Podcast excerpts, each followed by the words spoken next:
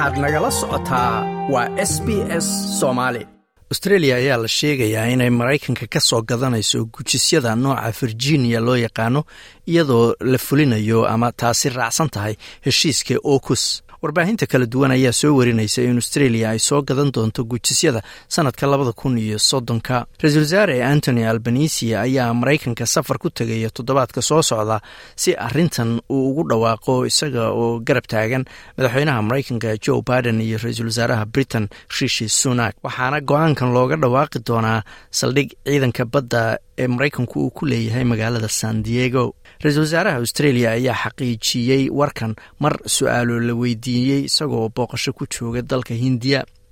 Wejiga labaad ee heshiiska gujiska ayaa sida la sheegayo qarka u saaran inuu rumoobo ama dhaqan galo. Gujisyadan maraykanka ayaa baahida jirta sii daboolaya ayaa la yidhi intaa la hirgelinayo heshiis balaayiin doolar ay ku baxaysto oo mustaqbalka gujisyo ay u k samayso loogu soo iibsanayo. Wararkan soo iibsashada gujisyada ayaa ra'iisul wasaare antony albanisi laga dhadhansaday inuu xaqiijiyey mar su'aal la weydiiyey isagoo ku sugan dalka hindiya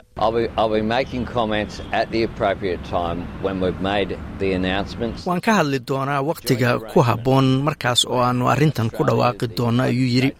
Arrintani waa heshiis ay wada galeen australia maraykanka iyo u k.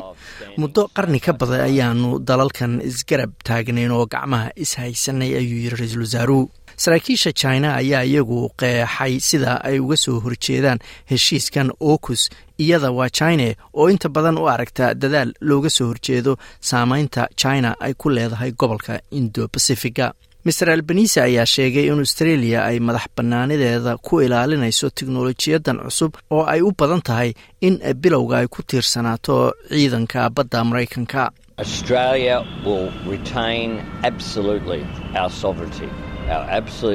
australia waxay si buuxda u ilaashanaysaa madax bannaanideeda boqolkiiba boqol.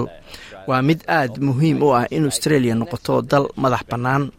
Taasina waa mid ay dhammaan saaxiibadeen nagu ixtiraamaan. Caasimadda cambarana hogaamiyaha mucaaradka peter dutton ayaa xusay oo u mahad celiyey ra'iisul wasaarihii hore scott morrison hawshii uu ka soo qabtay in heshiiskan la gaaro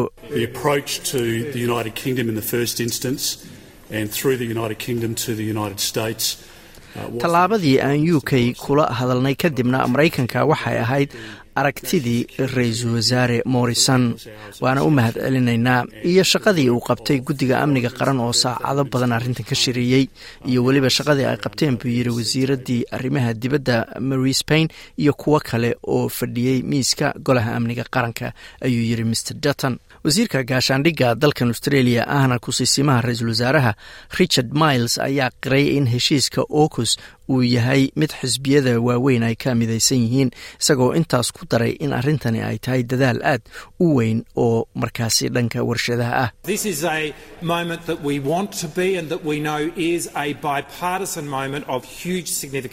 Tani waa inaannu meeshaan rabnay aanu joogno. Waannu ognahay inay tahay wakhti ay xisbiyadu midaysan yihiin oo aad muhiim ugu ah dalkeenna way adag tahay in la qeexo tallaabadan aan dal ahaan aynu qaadayno. Australia wuxuu ka mid noqonayaa ayuu yidhi toddoba dal oo keliya oo leh awood ay ku howlgalaan gujiska nukliyeerka ku shaqeeya. Weligeen kumaynaan howlgelin ayuu yidhi awood milatari oo heerkan oo kale ah inta uu ku sugan yahay hindiyana ra'iisul wasaaraha ayaa ka qaybgeli doona shir madaxeedkii hogaamiyaasha gobolka ee sanadkan ugu horeeyey kaasoo ka dhacaya magaalada new delhi oo looga dan leeyahay xoojinta xiriirka amni iyo kan ganacsi ee dalalka koonfurta aasiya aad bay sharaf iigu ahayd buu yidhi mana aha aniga oo keliya ee australia dhan ayay sharaf u tahay.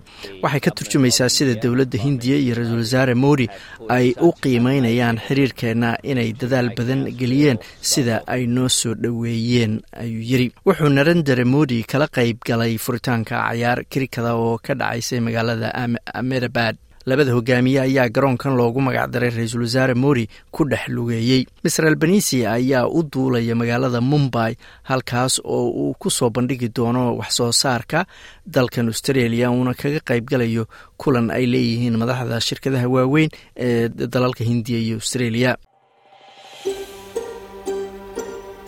Ma doonaysaa sheekooyinkan oo kale? Ka dhegayso apple podcast google podcast spotify ama meel kasta oo aad bodkastigaaga ka hesho